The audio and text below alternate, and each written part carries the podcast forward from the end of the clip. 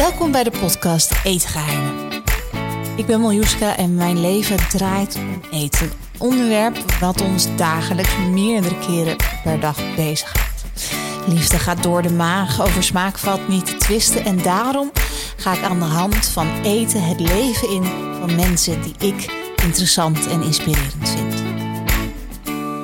Welkom bij de podcast Eetgeheimen. Vandaag de gast René en bij sommigen bekend als Porte René. Um, hoezo Porte René? Hoe ben je daarbij gekomen? Ik vind hem geniaal hoor. Ja, bedacht door mijn man. Ere wie ere toekomt. Hè?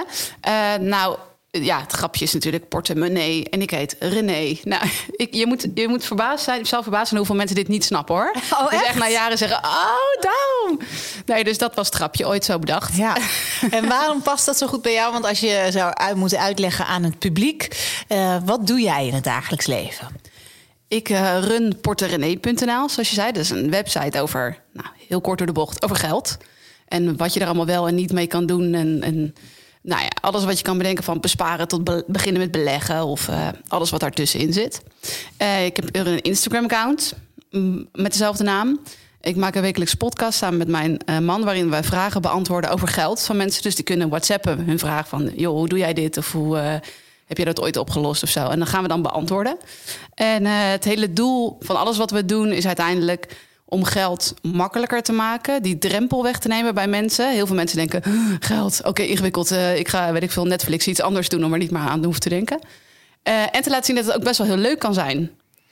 Nou, we gaan er zo helemaal induiken, maar we zitten hier natuurlijk ook voor eten. Ja. Uh, want het zijn eetgeheimen. Wat heb je vandaag tot nu toe gegeten?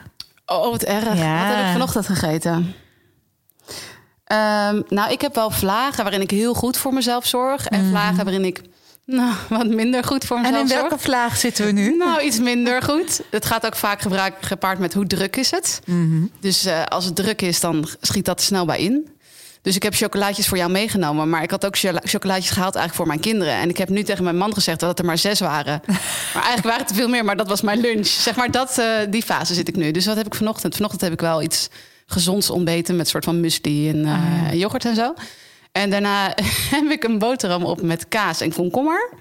Dit is trouwens iets wat mijn moeder altijd voor mij maakte vroeger. Ja. Dus ik weet niet, als ik, als ik niet meer weet, dan maak ik een boterham met kaas en komkommer. En daarna chocolaatjes. Lekker. Ja, nou, dat klinkt heel gebalanceerd. uh, en als jij, je hebt het over je moeder, die maakte die boterham met kaas en komkommer. Wat, wat, en aromat zat er. En aromat, ja. Mag ik dat zeggen? Ja, ja ken je dat nog? Ja, ja. ja, we zijn onvolledig ongesponsord, oh, dus je nou, kan heerlijk. alles zeggen wat je wil. Ik heb dat laatst nog een keer gekocht, aromat. Dat was een soort jeugdsentiment. Ik vond het echt heel vies. Ja, ja het is echt heel vies. Veel te zout. Maar toen, ja. Ja, geestig. En wat, wat kookte zij nog meer waarvan je nu nog steeds denkt... oeh, ja. Zuurkool. Echt? Ja. En dan de stampot? Echt, ja, gewoon de stampot, ouderwets.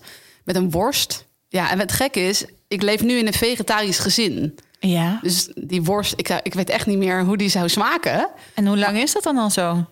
Dat ik geen vlees, dat we geen Ja. vlees. Nou, ik eet soms nog wel vlees. Mijn man is vegetariër en toen heb ik me eerst enorm verzet. Wat, wat een gedoe. Ja. En toen heb ik van soort ben ik gaan leren hoe je vegetarisch eet. Want ik dacht eerst altijd van ja, dan neem je gewoon een vleesvervanger. vlees. En toen later heb ik geleerd om vegetarisch te koken. Maar ehm dat sinds ehm, ja, een jaar of, ik denk toch wel een jaar of zes of zo. Oké. Ja. Maar wat, dus die zuurkool maakte je moeder? Ja, maar ik weet niet. Ja, jij bent opgegroeid bij je moeder, denk ik, ook hield van koken. Nee, die hield juist niet van Oh. koken. Dus dat maakte mij... Die hield van eten, maar dat maakte dat ik ging koken. Oh, zo. Ja, Oké. ja, ja, ja, ja. Ja, mijn moeder zag koken, denk ik, als een noodzakelijk iets. Ja. Net zoals dat je eh, je huis stofzuigt en allemaal dat soort dingen. Je kinderen naar school brengt en ze weer ophaalt. Dus eh, dat moest gewoon gebeuren. En er kwamen veel zakjes en pakjes aan te pas. Aha. Maar ik denk dat ik ook van die generatie... Ik ben 36, van die generatie ben... Ja, laatst was ik in de speeltuin met mijn kinderen... en een vriendin van mij was er ook... en die zat te praten met mijn moeder. En die hoorde ik zeggen... zei mijn moeder tegen mijn vriendin... ja, dat deed je vroeger gewoon. Toen gaf je gewoon taxi en, eh en fruitella en zo. Ja, dat wist je allemaal niet. Weet je wel? Nee, zo, ja, een beetje ja, die ja, generatie. Ja. Dus ik heb al die troepen binnen allemaal gehad. Ja, alles. En, je, en eh, je vader? Ja, mijn vader eh, heb ik eigenlijk nooit in de keuken betrapt. Nooit. Nee, nee. Op een gegeven moment, ik weet wel dat mijn moeder een keertje ging op wintersport ging met mijn tante. Mhm. En toen had hij gekookt. Dat herinner ik me nog heel goed. En toen had hij gehaktballen gemaakt. Want het was altijd vrij traditioneel bij ons thuis. En die waren volgens hem krokant. Ah. Maar wij vonden ze aangebrand. Ah ja. En mijn vader vond het dan grappig dat als mijn moeder thuis kwam, had hij ons geïnstrueerd, mij, mijn broer en mijn zus, om dan bij de deur te gaan staan en te zeggen: Honger, mama, honger, honger, honger. En dat vond hij dan een leuk grapje. Dus mijn moeder kwam dan thuis en dan stonden wij met z'n drieën: Mama, honger, honger. Oh nee. Ja, ja, dat was ook wel mijn vader. Dat is net Zo dat van, je een eh, stofzuiger krijgt voor je ja, verjaardag. Ja, traditioneel ook wel. Dat was dan grappig. Zo van. Het was al heel wat dat hij een paar dagen voor ons had gezorgd. Ja. Ehm, maar ja, ik denk niet dat ze heel vaak daarna nog weg is geweest. En als je kijkt naar jouw ehm, eetleven, hè? Eh, je hebt dus dit thuis meegekregen. Daarna ben je gaan studeren. Eh, is toen jouw beeld over eten veranderd? Nou, ik ben toen wel heel veel dingen gaan eten waarvan ik eerder dacht dat ik ze niet lustte. Denk ik. Ja, ik, ik was best wel een moeilijke eter vroeger. Oh ja? Ik had van de week nog een gesprek met mijn man over hoe, wat ik allemaal deed om mijn groenten weg te toveren op mijn bord. Dus Oh. ja, ik was, ja, dat was, ik moest aan tafel blijven zitten. Dat Ja. heb ik nu bij mijn, andere, mijn eigen kinderen ook heel anders gedaan. Maar ik moest aan tafel blijven zitten tot de groente weg was. Dus dan had ik bijvoorbeeld een servetje en dan ging ik het dan indoen. Of dan zei ik, mama, ik moet even mijn servetje weggooien. En er zat een spinazie in of zo. Of een cordon bleu en dan openmaken en het daar dan in doen en dicht duwen. Weet je wel, dat Ja, soort... Ja, ja, ik, wil, ik vond het gewoon vies, dacht ik. En echt tot tranen toe dat ik moest blijven zitten en dat ik echt niet wilde. Ja, ik snap, ik snap dat niet, hè? Nee, ik heb dat nooit begrepen. Want ik Nee. denk dat je zo'n weerstand, een slechte relatie krijgt met eten. Ja. Het is voor kinderen een van de weinige plekken waar ze een soort van zeggenschap hebben. Ze worden de hele dag alle kanten opgetrapt. Niet letterlijk natuurlijk mensen, maar eh, naar school en naar het clubje en alles moeten ze maar in mee laveren. En dan zitten ze aan tafel en denken ze, ha, ha, ha, nou heb ik je. Dat denken ze niet bewust misschien, maar ze denken wel dit. Ik bepaal wat er in mijn mond gaat. Ja, of nee. Ja, en nou, dat mocht ik dus niet helemaal zelf bepalen. Maar ik denk dat, de dat het bij de meeste gezinnen zo was. Tenminste, dat was mijn ervaring natuurlijk Ja. ook. Ehm, dus ik had ook niet een heel positief, gewoon het hele idee groente, zeg maar, behalve witte bonen in tomatensaus, wat er nog wel ging. Oh. ja, nu, nu denk ik, nou, dat is het laatste wat ik zou eten. Maar ja, ehm, en toen ging ik op mezelf wonen en toen had ik meer de vrijheid om dingen anders klaar te maken. Mijn moeder was ook nog wel van, ehm, ja, groente kook je gewoon. Ja. En dan, totdat je er met de vork in kan prikken, dan is het klaar. Ah. En toen ging ik ontdekken, nou, je kunt het ook, kunt ook kruiden gebruiken, of je kunt het ook in de oven doen, of je kunt het ook, eh, nou ja, allerlei andere dingen, of je kunt het grillen. Of, en toen dacht ik, oh, dan is het eigenlijk best wel lekker. En nu ben jij de geldkoningin, hè? Ehm, ik ben een cheesecake koning, zo hebben allebei titel. Ehm, toen in jouw studententijd, dan moet je natuurlijk ook op je geld letten. Lette je dan ook op je geld als het ging om eten? Want dit klinkt best wel, nou, culinair. Nou, zo wil ik het niet noemen hoor, culinair. Maar ehm, nou, ik herinner me wel, nu je dat vraagt, dat ik woonde vlakbij een supermarkt. En op een gegeven moment had ik door dat als je aan het einde van de dag ging, bijna tegen sluitingstijd, dat je dan dingen meekreeg. Oh. Gewoon die niet meer konden de volgende dag. Nu heb je daar allerlei apps voor en zo, maar vroeger niet. Dus zei ze, wil je nog een eh, taart mee? Wil je nog dit mee? Ik zei, ja, kom maar door. Ja, dus op een gegeven moment wist ik wel... Dan, van, dan ga ik wel even aan het einde van de dag... of wacht ik nog een uurtje, dan krijg ik nog wat mee. Ja. Dus zo uitgekookt was ik dan wel.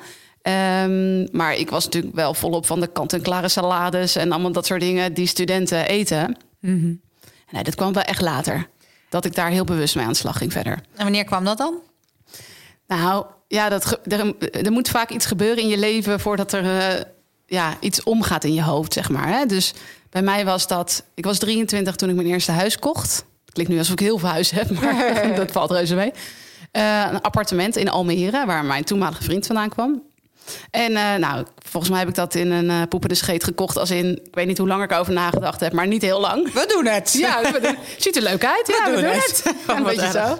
En ehm, ik doe die jaartal even uit mijn hoofd. Maar dat, volgens mij was dat 2008 dat ik dat kocht.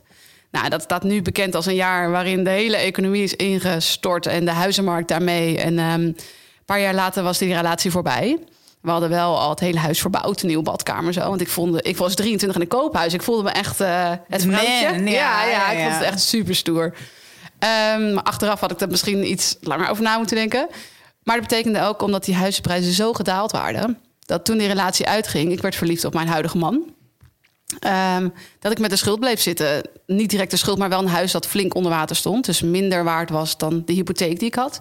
En uiteindelijk leverde me dat een schuld van ongeveer 40.000 euro op. En ik wilde daar wel heel graag weg. Het was het huis met mijn ex. Ik had verder niks in die stad te zoeken. Ik had een relatie. Ik wilde andere dingen doen. Ik had natuurlijk gewoon kun- kunnen blijven zitten. Maar ik wilde graag weg. En ehm, toen moest er dus 40.000 euro afgelost worden. Nou, dat was natuurlijk mijn moment waarin alles veranderde überhaupt. Maar ook hoe ik naar geld keek. En ook hoe ik boodschappen ging doen trouwens. Dus daardoor ben jij eigenlijk gezonder gaan eten? Uh, ja, ik denk wel gezonder. Veel bewuster. Überhaupt veel bewuster met geld omgaan sindsdien. Uh, ook veel meer zelf gaan koken. Want ik was echt zo'n verwende student... die met studiefinanciering en een bijbaantje en zo... best wel een mooi leven had. En veel uit eten ging en zo. Dus toen die schuld er was, ja, uit eten. Het had gekund op zich, maar ik wist ook, ja, ik heb wel een probleem. Dit moet wel opgelost. Dus ja, toen was het uh, zelf aardappels koken en zo. En zelf uh, eten maken en weekmenu's maken. Ja, dit en... vind ik dus echt mooi. Hè? Dat iets wat zo cruciaal is, ook voor jouw carrière nu, mm -hmm. uiteindelijk ja. ook jouw eetpatroon heeft veranderd. Want daardoor ben je dus minder kant-en-klare salades gaan ja. Uh, kopen en echt zelf gaan koken. Ja, dat was toen gewoon klaar. Ik had gewoon geen geld meer voor. Nee. Nee. En um, het is nogal wat wat je zegt. Want je, je had dus, je werd verliefd op iemand anders. Ja, heel verliefd. Ja. ja. Heb je het geprobeerd tegen te oh, houden? enorm. Ja? ja, enorm. En het was mijn... Uh, um, ja, hoe noem je dat? We werkte in de media. Dat is allemaal niet zo met titeltjes, maar een soort van mijn chef. En... Um, ja, ik was gewoon enorm verliefd. Dus als hij iets stond uit te leggen of zo... en ik raakte, ik ging even langzaam en raakte even zo elkaar de vinger aan of zo... dan was echt mijn hele lichaam stond alleen maar zo van... Oh, weet je En uh, dus ja, ik heb het wel tegen geprobeerd te houden. Was niet ja. echt de planning of zo. Nee. Nee, maar ja, ik weet nu inmiddels ook, dat werkt dus niet zo. En hij was dus ook even verliefd op jou? Ja. En toen, Gelukkig wel. Want het is namelijk niet niks dat je besluit om ergens weg te gaan. 40.000 euro schuld Mhm. te hebben. Was dat een gezamenlijke beslissing toen al tussen jullie? Of was dat jouw beslissing? Om de relatie te beëindigen? Nee, ja, oh, dat. En ook om dat appartement dus weg te doen. En dus die schuld af te betalen. Ja, nou, die, die relatie dat die voorbij was, kwam wel echt van mijn kant. Mhm. Toen is mijn ex daaruit gegaan. Die dacht, ja, doei. De tyfus voor je. Ja, en dat snap ik ook best. Ja. Heeft een soort van klein geld nog op de bank gegooid, omdat het niet anders eh, kon. Maar eh, die heeft toen, daar was ik natuurlijk heel boos over, een paar meter verderop een heel goedkoop huis kunnen kopen. want Ja, het was ja, natuurlijk, ja. ja. En ik zat daar, jongen. Ik was wel heel zuur. Ja. En eh, ik denk wel dat mijn toen nieuwe vriend, nu mijn man, mij daarbij wel gered heeft. Want die zei van, ja, Jezus, hou eens op met dat gezeik. Ja. Weet je wel, we hebben elkaar wel gevonden. En ja, dit moeten we oplossen.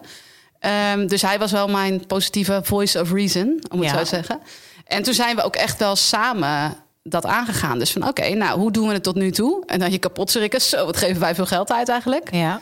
Eh, Oké, en hoe gaan we het dan doen? En dat was voor het eerst dat ik ging nadenken... ja, wat is eigenlijk normaal om een boodschap uit te geven per maand? Toen wist ik veel. Ja, ik deed altijd maar wat. En jouw ouders hebben jou dus nooit financiële ehm, les gegeven vroeger, om het zo maar even te zeggen. Nee, nee. Ja, klinkt misschien een beetje als een verwijt. Ja, ik weet niet of ik dat kan verwijten. Mijn vader was ondernemer en het was soms heel veel geld. Er werd er veel geld uitgegeven. Ja. En dat was soms weinig geld. Ik weet nog wel dat we een keer een nieuwe kaasschaaf kregen. dat was in de slechte tijden. Dan hadden we een brede kaasschaaf voor in het weekend... en een smalle voor door de week. Dus dacht ik wel, hm, oké. Ja, ja, ja. Ik heb hem ook failliet zien gaan. Dus ik heb alles gezien. Maar het bij een ander zien en het zelf meemaken... zijn toch wel echt twee hele andere dingen. maar zij hebben nooit tegen mij gezegd... Goh, nou meid, je gaat op kamers. Eh zullen het sowieso doen? Eh, of je geeft wel erg veel geld uit. Mijn moeder heeft er wel op een gegeven moment een keertje gezegd... toen ik tiener was van nou... Laat je salaris van je bijbaantje maar bij mij komen. Dan help ik je wel een beetje. Dus dat wel, maar niet echt toen ik volwassen werd of zo. Nee. Heb jij dat wel ge- geleerd? Ja, mijn moeder bemoeit zich overal mee. die heeft ook niet zo. Die, die, die, die, ja, die, die heeft daar natuurlijk ook de, de ruimte voor. En ik vind het ook fijn dat ze dat doet. Er is ook wel iemand die tegen mij heeft moeten zeggen: Nou, iedere euro die je verdient, gaat gewoon een heel groot deel naar de Belastingdienst. Dus Oh, dan ja. moet je opzij zitten. Dat Ja, dat heb ik ook echt moeten leren. ik in het begin echt gedacht. Zoveel? Denk ik nog elk jaar? Ja, nee, dat mensen ook denk, denken dat ze zeggen: Zo, jij verdient veel. Ja. En dan denk ik: Ja, maar je houdt hier geen rekening mee dat er eerst een heel groot deel naar de Belastingdienst gaat. Ja. Dan hebben we nog het feit dat ik daar mensen meestal voor moet inhuren. Ja. En dan blijft er dus zo'n klein stukje over. En dan als ik heb geniest, dan is het weg. Weet je wel? Ja, dat is zo. Maar Ja. dat zie je nu ook. Zo'n trend waar ik me hartstochtelijk tegen verzet. Dat er dus online lees je heel veel van... eh, ja, ik verdien een ton, ik verdien een miljoen. En een money mindset en allemaal Ja, dat soort dingen. ja. Ik denk, als je maar goed over geld denkt... dan stroomt het met bakken binnen. Dan denk ik, ja... Hou op, als jij een ton verdient en je hebt iemand in dienst die je helpt, die betaalt belasting, dan betaalt er echt, blijft er echt niet meer over dan iemand die gewoon bij de baas werkt hoor. Nee, Dus, want hoeveel blijft er ongeveer over van een ton? Ah, ik heb het uitgerekend. Ja, het hangt helemaal af van je kosten. Ehm, Maar gemiddeld. Ja. Ik denk eh 52.000 euro. ja, m- ja, met belasting bedoel je? Ja. is een ton winst? Dat is ook de vraag. Hè? Ja, het vaak ja, over ja, omzet. ja, ja, ja, ja. Dus als het omzet is, dan kan je daar helemaal niks over zeggen. Nee, precies. Dus dan heb je wel 99.000 euro kosten. Ja. Weet je toch niet? Nee. Dus zo maken we elkaar ook gek, hè? Online. Met geldverhalen. Nou ja, dat is wel een nieuwe gekte of zo. Als ik daar naar kijk, vinden, wil iedereen slapend rijk worden, heb ik het gevoel. dat klopt. Eh, Passief inkomen ja, is het maar woord. Wat, wat, wat, wat vind jij ervan? Is dat haalbaar? Nou, passief inkomen, dat betekent dus dat je inkomen hebt zonder dat je er op dat moment voor werkt. Ja, en dat is over het algemeen zit dat in pandjes, toch? Ja, die je verhuurt. Of als je eh, een cursus maakt en die maak je één keer en daarna Mhm. verkoop je hem steeds. Maar laten we wel wezen, je moet wel iets doen om die cursus te verkopen. Je Ja. moet wel je gezicht laten zien. Je moet wel ehm, iets van marketing doen of zo. Mails versturen. Dat is Ja, ook niet echt ja. slapend rijk worden.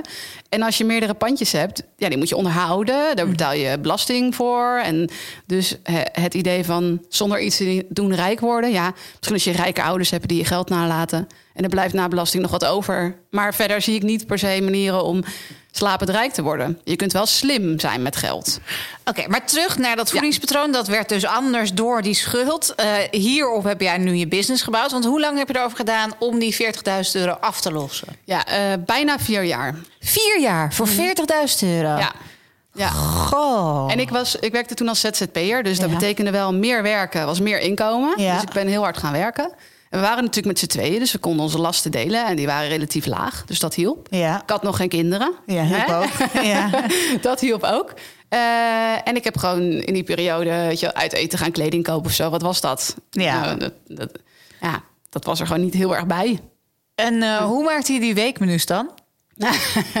nou, ik had een paar manieren. Dus nu, ik heb, ja, nu heb ik een hele tactiek.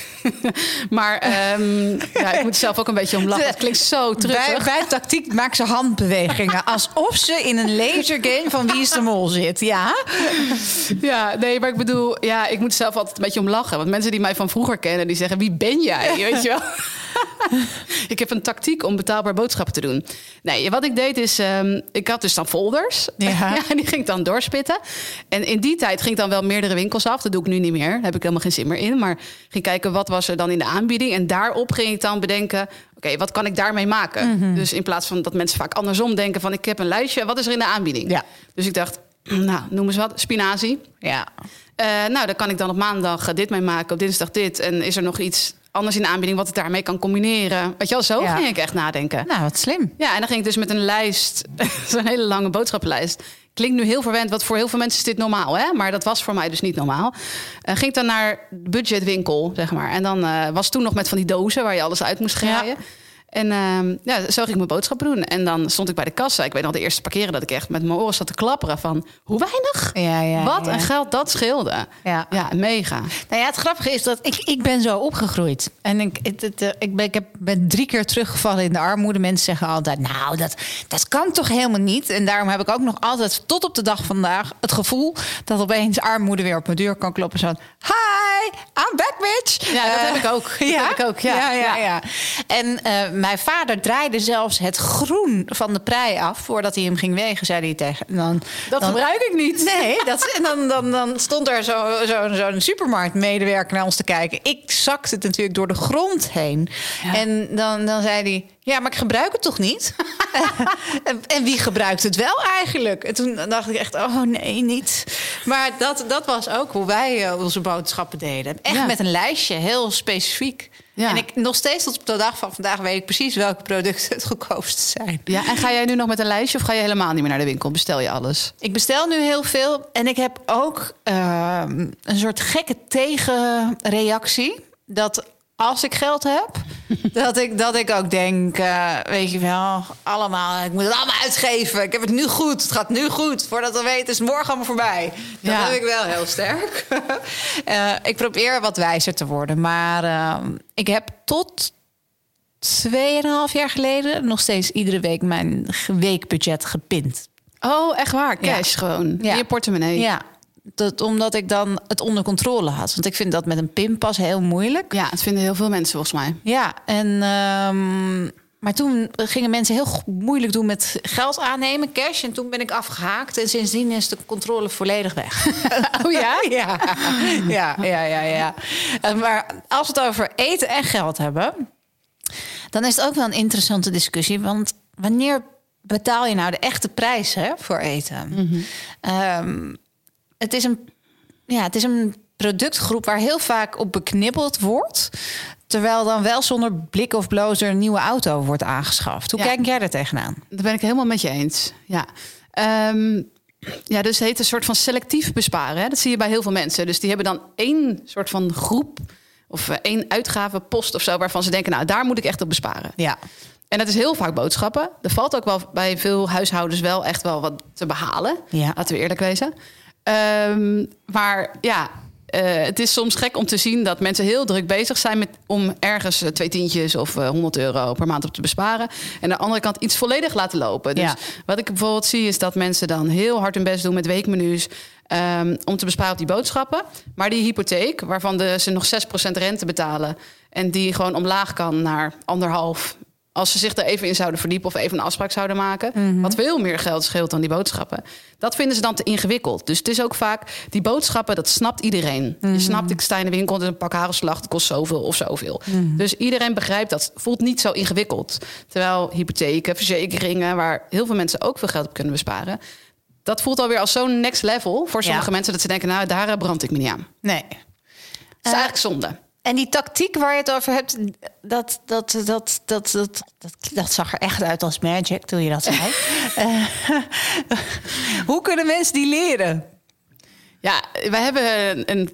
Ja, dit, deze vraag krijg ik dus heel vaak. Dus ik heb daar een soort kleine cursus over gemaakt. Ja. Dus mensen kunnen dat eh, op porterenee.nl kunnen ze dat gaan volgen. En dan zie je mij gewoon in mijn keuken heel basic dat allemaal uitleggen met folders. En, ehm, ja, en nu bij mij is het dus minder vanuit armoede. Als in die schuld is afgelost en ik hou elke maand gewoon geld over.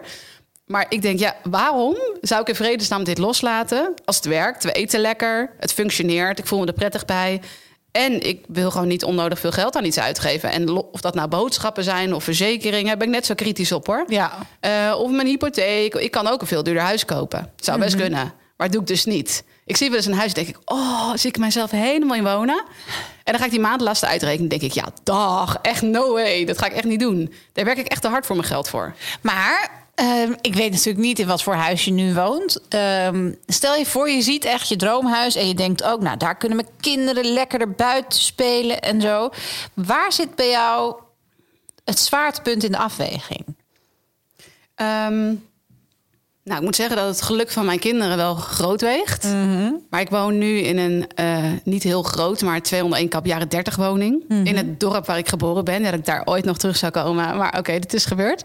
Met een hele grote achtertuin en drie kippen en een puppy en een poes. Dus wat dat betreft hebben ze helemaal niks te klagen. Ehm, en woon ik eh, heel mooi, denk ik. Alleen op basis van mijn verdiensten zou ik dus ja, duurder kunnen gaan wonen of groter kunnen gaan wonen. Maar wat is dan de afweging? Ja, ik heb ook wel geleerd, ook in die tijd dat ik niet zoveel geld had, dat het dus niet heel veel invloed heeft op je geluk. Nee. Dus een groter huis. Ik heb ook in een groter huis gewoond. Dacht ik, jeetje, moet ik allemaal schoonmaken? ja, en ik had dus een hele zolder waar ik bijna nooit kwam. En eh, de, ja, ik dacht wel, betaalde daar wel elke maand voor. Ja. Dus ik, ik wil vooral betalen voor dingen die, waar ik of blij van word... of waar de mensen waar ik van hou blij van worden... of waar ik enorm van geniet. Of dat is met eten net zo. Ik kan ook soms iets kopen dat ik denk... nou, ik ben aan de ene kant onwijs aan het besparen hierop... en hier geef ik wel geld aan uit. Maar dat is dan iets waarvan ik denk... oh, dit is wel echt zo lekker... of dit is zoveel lekkerder dan iets anders... dat heb ik het voor over. En wat is dan zo lekker? Noem eens een Nou, voorbeeld. bijvoorbeeld, eh, weet je, ik vroeg, kocht vroeger van die plastic mozzarella, weet je? Oh, ja. Van eh, 1,29 of zo. En nu verwen ik mezelf met lekkere verse buffelmozzarella of zo. Waarvan een ander denkt, Hé, je geeft toch een cursus besparen op je boodschappen? Hoezo? Ja, ja, je, die ja. reacties krijg ik dan ook wel. Ja, maar ik kies ervoor om hier dus wel mijn geld aan uit te geven. Ja. Dus dat is steeds de afweging bij alles. Ik heb dus ook een auto die, ja... Als je mij ziet rijden in die auto, denk je... nou, ik weet niet of het heel goed gaat met de zaken, zeg maar. Want die auto heeft al 15 jaar. Maar ja, hij rijdt... Ik heb niks met auto's verder. Hij is Nee. veilig. Ja, Prima. prima, ja.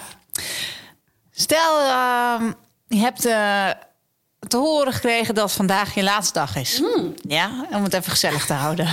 En het is al einde van de middag. Ja, ja, ja, nee, je, je hebt tot en met volgende week einde. Volgende morgen einde middag.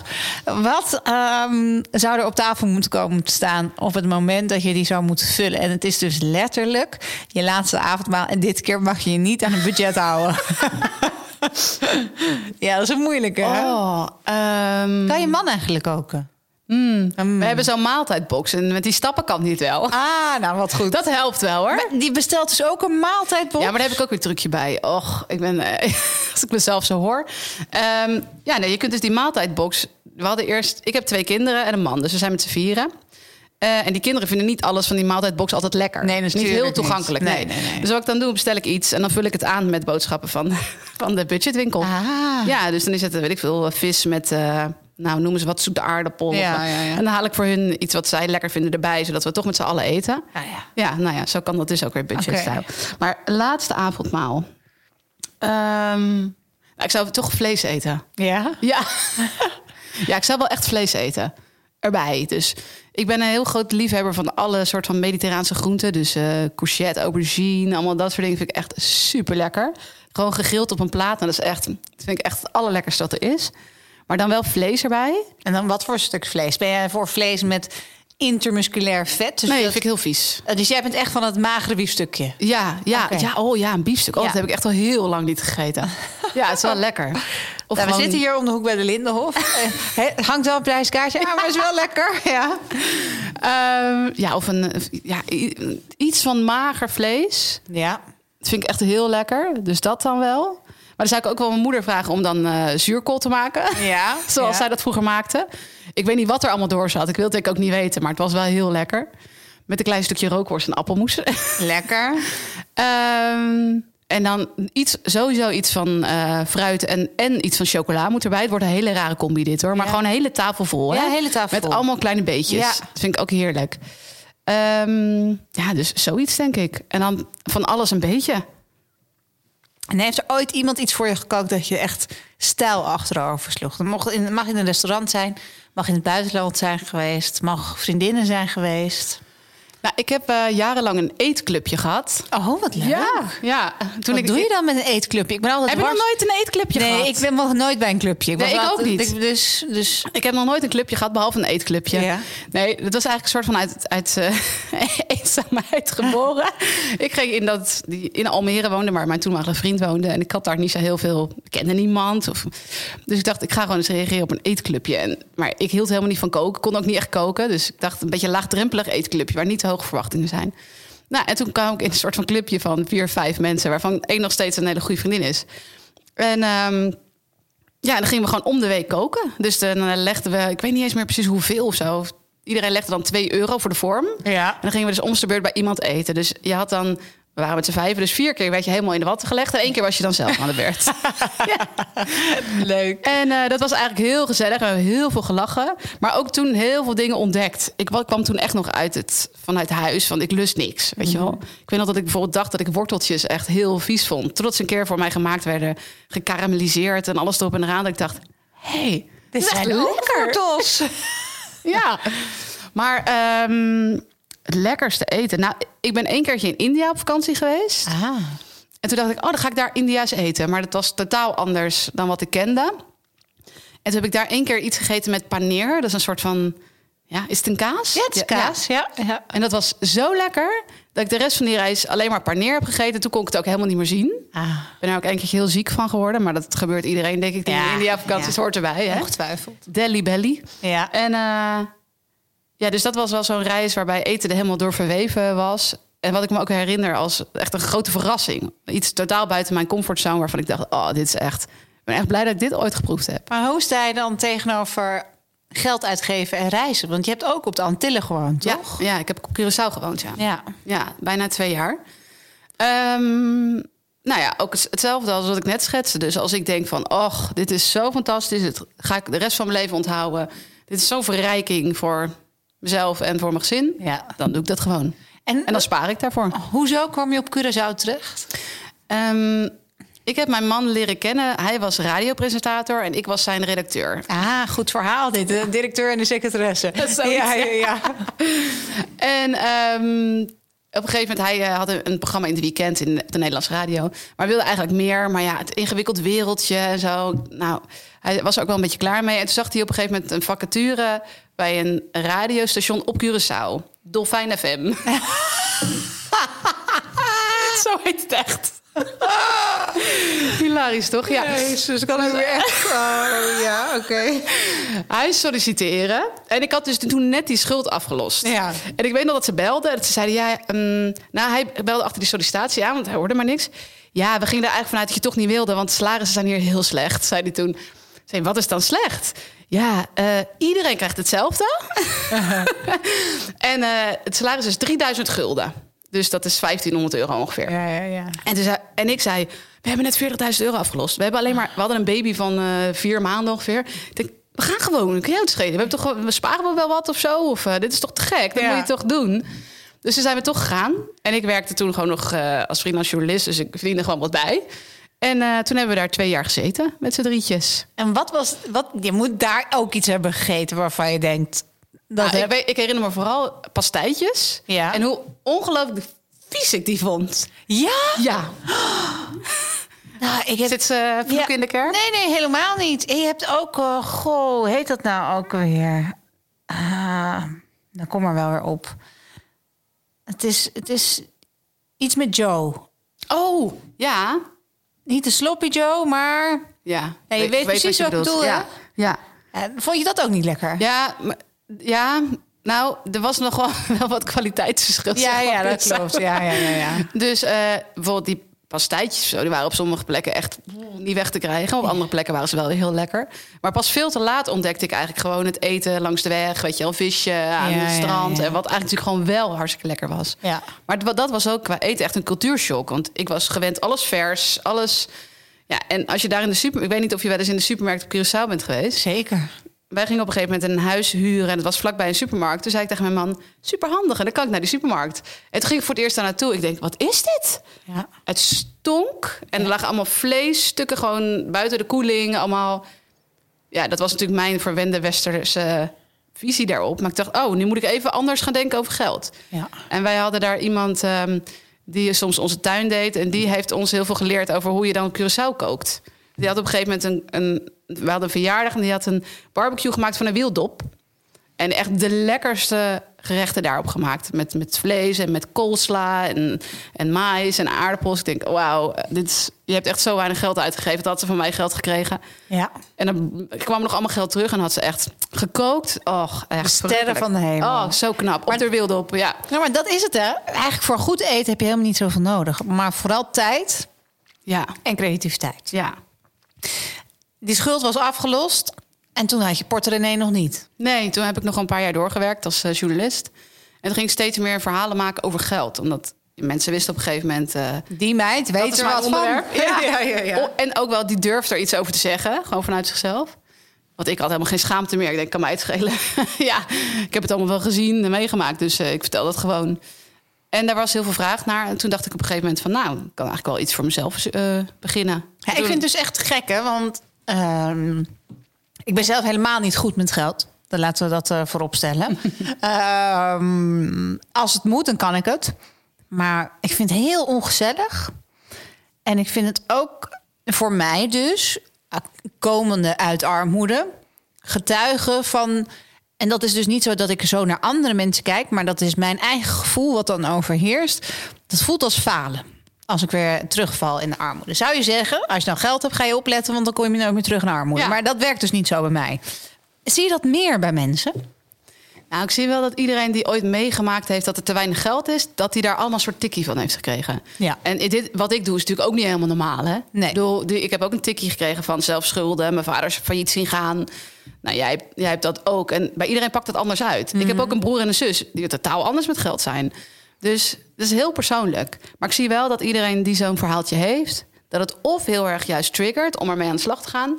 Zo van, eh, ik wil gewoon zorgen dat ik gewoon eh, op een zestigste met pensioen kan. Want Ja. ik wil gewoon niet afhankelijk zijn van anderen. Die er heel fanatiek mee aan de slag gaan. Maar ook mensen die zeggen, ja, ik wil helemaal niks meer mee te maken hebben. Maar daardoor juist heel veel mee te maken krijgen.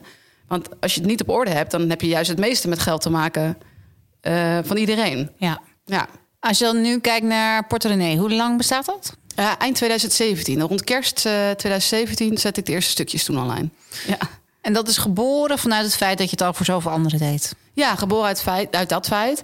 Maar ook geboren uit het feit dat toen ik schulden had, ik nergens online gewoon leuke, motiverende verhalen kon vinden. Dus dan was ik in het, in het Engels op Pinterest aan het zoeken op uh, pay off debt en zo.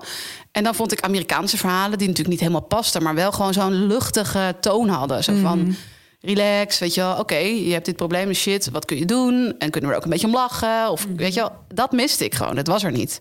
Ik dacht, nou, dan ga ik dat gewoon schrijven. En ehm, meer gewoon een soort van als hobby of zo, of side project of zo. En nu ben je een super fanatieke oppotter geworden. ik, zeg- ik, stel me voor dat je op stapels geld dan een, Oh. een, een, een dekbed overtrekt, eroverheen trekt en dan daarop slaapt. Nee hoor, ik chargeer. maar ik vind het wel een leuke gedachte, een leuke striptekening zou het zijn. Ehm, maar je bent wel lekker bezig, want jullie hebben nu een appartement hè, wat jullie verhuren als eh, vakantieappartement. Ja, dus een recreatiewoning inderdaad, bij een Ja. paar dorpen bij mij verderop, vlakbij zee. Ja. En ehm, dat hebben we inderdaad gekocht en dat gaan we binnenkort verbouwen. Ja. En eh, dat is tot nu toe ook al verhuurd geweest in aan mensen die bijvoorbeeld eh, tussen twee huizen in zaten of in de verbouwing zaten, dat soort dingen. Dus ja. En dat, dat is dus iets wat je voor elkaar hebt gekregen door goed om te gaan met je geld. En op die manier krijg je dus wel dat passieve gedoe. Ja. Hoe noemde je dat ook weer? Passief inkomen. Ja. passieve gedoe. ja, nou ja, kijk, weet je, het is niet alleen maar. eh, kijk, ik laat ik dat eerst zeggen. Wij zijn met z'n tweeën en verdienen allebei oké inkomen. Ja. Dat maakt het een stuk makkelijker. Hè? Ja. Zullen nu ook mensen luisteren die twee kinderen hebben en een bijstandsuitkering, die denken: ja, Precies. mooi verhaal, maar Ja. dat gaat mij niet lukken. Dus laat ik dat eerst gezegd hebben. Ehm, ten tweede, ja, is het proberen veel, zoveel mogelijk over te houden van wat je binnenkrijgt. Terwijl je leuk leeft, zeg ik er altijd bij. Ehm, en ten derde is het ook wel, wat ga je dan met dat geld doen? Dus heel veel mensen laten het gewoon op je spaarrekening staan tegen 0% rente. Wat op zich altijd een goed idee is, want je moet gewoon een buffertje hebben. Er gaan altijd dingen mis die je niet voorziet en het komt er allemaal tegelijk. Dus doe dat alsjeblieft. Maar ga daarna ook eens verder kijken. Weet je wel, eh, kan ik een beetje aflossen op mijn hypotheek? Of eh, kan ik iets doen waarmee ik weer wat geld verdien? Kan ik een bedrijfje beginnen? Kan ik, weet je wel? Dus het is ook wel gewoon actief ermee bezig zijn. Ja. Actief ermee bezig zijn om passief inkomen te krijgen. Ja, Maar dat, dat is, oh, als ik dan, als het woord hypotheek aflossen versnelt, dan denk ik echt, oh, oh, oh. dan grijpt het je naar de keel. Ja, want wanneer. Er zijn ook mensen die zeggen: ja, de rente is nog nooit zo laag Ja. geweest. Leen, geleend geld is nog nooit zo goedkoop geweest. Nee, ja. Dus eh, ja, waar kies je dan voor? Dat is constant, lijkt mij dat zo moeilijk. Ja, maar dan moet je gewoon je eigen gevoel in volgen. Hmm. Want er zeggen ook mensen tegen mij: Je bent helemaal gek dat jij je hypotheek aflost. Hmm. Hoeveel rente betaal je? Mijn vader ook. Die zegt: Ik heb ooit 13% betaald. Je bent helemaal gek. Lekker laten staan. Maar dat is voor mij ook weer een bepaalde drang naar zekerheid. Als ik mijn hypotheek afgelost heb, of een deel, dan weet ik dat mij nooit meer zal overkomen wat mij voorheen is overkomen. Ja, ja, ja. Dus ook al gaat mijn man er nu met zijn secretaresse vandoor. die heeft hij niet overigens, maar bij wijze van. Eh, en hij laat nooit meer wat van zich horen. En laat me achter met twee kinderen. Nou, ik ga ervan uit dat dat niet gebeurt. Maar het zou zomaar kunnen. Ja. Ehm, dan weet ik dat ik me daar geen zorgen over hoef te maken. Ja. Dus dat, dat is weer mijn knauwtje, weet je. Dus waar ik weer dat probeer te voorkomen. Die herhaling probeer te voorkomen. Jij spreekt natuurlijk ontzettend veel mensen over geld. En ehm, als je kijkt naar het managen van geld, zijn vrouwen daar dan slechter in dan mannen over het algemeen? Ehm, nou, het dagelijks managen van geld als in de boodschappen, eh, kleren kopen voor de kinderen en zo, daar gaan vrouwen vaak over. Ehm, volgens mij kunnen ze dat over het algemeen heel goed, maar soms ontbreekt het het aan overzicht. Dus we, wat jij net zei over die pinpas, we pinnen een beetje daar, we pinnen een beetje daar en opeens is het op. Weet Ja. je? Dus soms ontbreekt het heel vaak. ja, gek is dat. ja, het is toch geen bodemloze put. En het Nee. bedrag gaat toch naar beneden. En door het pinnen hebben we veel minder gevoel daarbij. En je ziet dat mannen heel vaak, maar dat is een beetje aan het veranderen, gaan over de grotere dingen. Dus de hypotheek. ehm, eventueel gaan we beleggen. En mannen willen dan heel graag ook in bitcoin, dat je snel veel geld verdienen. Ja, ja, ja, ja. Ehm, en vrouwen zijn veel voorzichtiger daarin. Dus die denken eerst: oké, heb ik genoeg spaargeld? Mocht er wat gebeuren? Ehm, eh, heb ik dit op orde? Heb ik dat op orde? En dan ga ik misschien eens kijken daarnaar. Dus we zijn wat risicomijdender. Is dat een woord, denk ik? Ehm, Maar je ziet nu steeds meer verschuiving. Hè? Dus ik weet niet of mannen zich meer bezighouden met de boodschappen. Maar het is in ieder geval zo dat vrouwen zich meer bezig gaan houden met beleggen en de hypotheek ja, en zo. Heel langzaam hoor. Want ehm, ik ben juist een all-in or nothing typeje. Ik investeer bijna alle helft, eh, bijna nou, 50% wat er binnenkomt weer direct terug in mijn bedrijf. Ja. Maar dat is ook een lange termijnvisie, toch? Ja, maar, ja. ja, maar ook veel. Ik heb niet een plan liggen achter in mijn achterbak waar die lange termijn visie is uitgestippeld. Het is heel veel op onderbuikgevoel ook. Ja. Dus dat is, het is grappig. Ehm, en die bitcoin, ja, dat, da- daar word ik echt mee om de oren geslagen. Hier bitcoin en triptaton en weet ik veel wat, polkadot en eh, wat, Ja. wat is het nou? Het is geen geld, het is iets elektronisch. Ja, dat- Je schijnt daar wel rekening te hebben waar je wel weer rente kan krijgen. Ik heb, ik heb de hele tijd het gevoel, ik mis iets, maar Ja. ik heb ook de hele tijd het gevoel, ik wil daar niet aan meedoen, want ik vind Ja, het doodeng. dat is dus heel veel. Mensen de- zij hebben een soort van fear of missing out. Weet je, wel? Ja. je ziet de hele tijd in de kranten de, de bitcoin zoveel omhoog, zoveel naar beneden.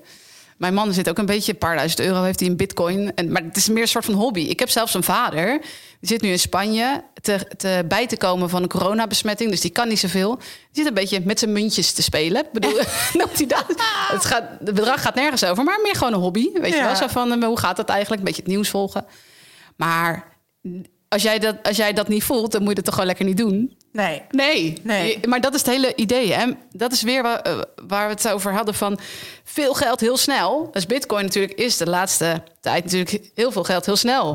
Maar ja, wij weten, niemand weet, ondanks dat ze de mooiste grafieken maken... Niemand weet het toch? Nee. Nee, dus ja, als jij je daar niet lekker bij voelt, moet je dat vooral niet doen. En als je het geld niet over hebt, al helemaal niet. Nee. Toestand. Toestand. Goed, even terug naar het eten. Ik heb altijd eh, een supersnelle keuze voor je. Je mag niet nadenken, je moet Oh. gewoon antwoorden. Zoet of zout? Zoet. Vlees of vis? Vlees. Zij deze vegetariër. Ja, gekozen voor de liefde. Ja, ja, ja. Ehm, kaas of worst? Kaas. Frituur of wok? Frituur. En wat dan uit de frituur? Oh, ik heb gisteren nog zei ik tegen man, oh, een kroketje bestellen. Ja, ja, ja. Groentekroketje dan? Maar ja, ik, oh, het is echt zo slecht, maar ik hou er echt van. Ja, lekker. Ja. Moet je ook niet zelf gaan maken, ben je veel duurder uit. Ja, ja, Eh, ja. Ik, maar zo'n frituurpan, dat is niks. Want dan ga ik elke avond die frituurpan aanzetten. Het is veel te laagdrempelig. Nee, dat moet ik niet hebben. Nee, ik, eh, nee, vertel mij er wat over. Je hebt dus ook zo'n, je hebt ook, ik dwaal even af, maar je hebt zo'n website, eh, BVA Auctions. Ja, ja, ja, ken hem, ja. Nou, daar verkopen ze dus hele fritu- frituurmuren van eh, de snackbar. En toen had ik laatst dat ik geboden op zo'n muur. eh, omdat ik dacht, het is leuk om een man in de zijk te nemen. En toen bleek ik het zelf moest demonteren en moest op, op de aanhangwagen moest zetten. Nou, gelukkig bood er nog iemand net over me heen. Maar anders was ik echt heel erg de lul geweest. Maar het is ook wel een heel leuk accessoire voor je kantoor, toch? Gewoon zo'n muur met allemaal... Vond ik kroketten. Ja, Ja, ja, ja. Ja. Eh, gezond of vet? Gezond. Oké. ehm, vegan of vegetarisch? Vegetarisch. Ja, ik snap het wel, maar als je kijkt naar, naar ja, vegetarisch, als je veel kaas eet en zo, ben je natuurlijk ongeveer net zo slecht bezig, toch? I know. Ja. Oké. Ja. Ehm, cake of taart? Cake. Nee, taart. Oh, de, welke taart ging er in je hoofd omhoog dat je toch voor taart ging? Eh, nou, chocoladetaart, worteltaart, appeltaart. Oké, taarten. Koud of warm eten? Warm. Pizza of pasta? Pasta. Thuis of uit eten? Uit eten. Met of zonder alcohol? Met. Curry of ketchup? Oeh. Een ketchup. Pittig of mild? Mild. Goedkoop of duur eten? Moet ik het zelf betalen? Vandaag wel. Eh, lekker en betaalbaar. Mag dat ook? Ja. En als je dan uit eten gaat, ehm, stel je jezelf dan een soort budget? Of heb je daar een apart potje voor? Of hoe moet ik dat Nou, voor mijn uit eten gaan potje die stroomt over tegenwoordig. Er zit zoveel geld in Ja. inmiddels dat ik echt eh, helemaal los kan gaan als het straks weer open is.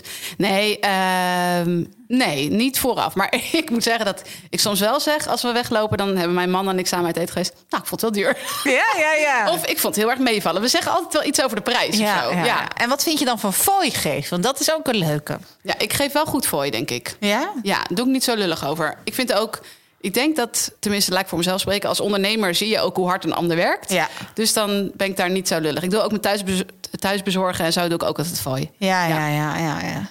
Ja, ik vind dat, ik, ik ben ook een gulle tipper, maar dat vind ik dus zo teleurstellend. Hè? Zit je soms een hele rijke mensen aan tafel en die geven dan op een rekening van 155 euro 5 euro voor. Oh ja. En zeg je dan wat? nou, dan laat ik zelf meestal gewoon wat extra Oh ja. achter. Want Oh ik heb ja. jarenlang zelf in de horeca gewerkt.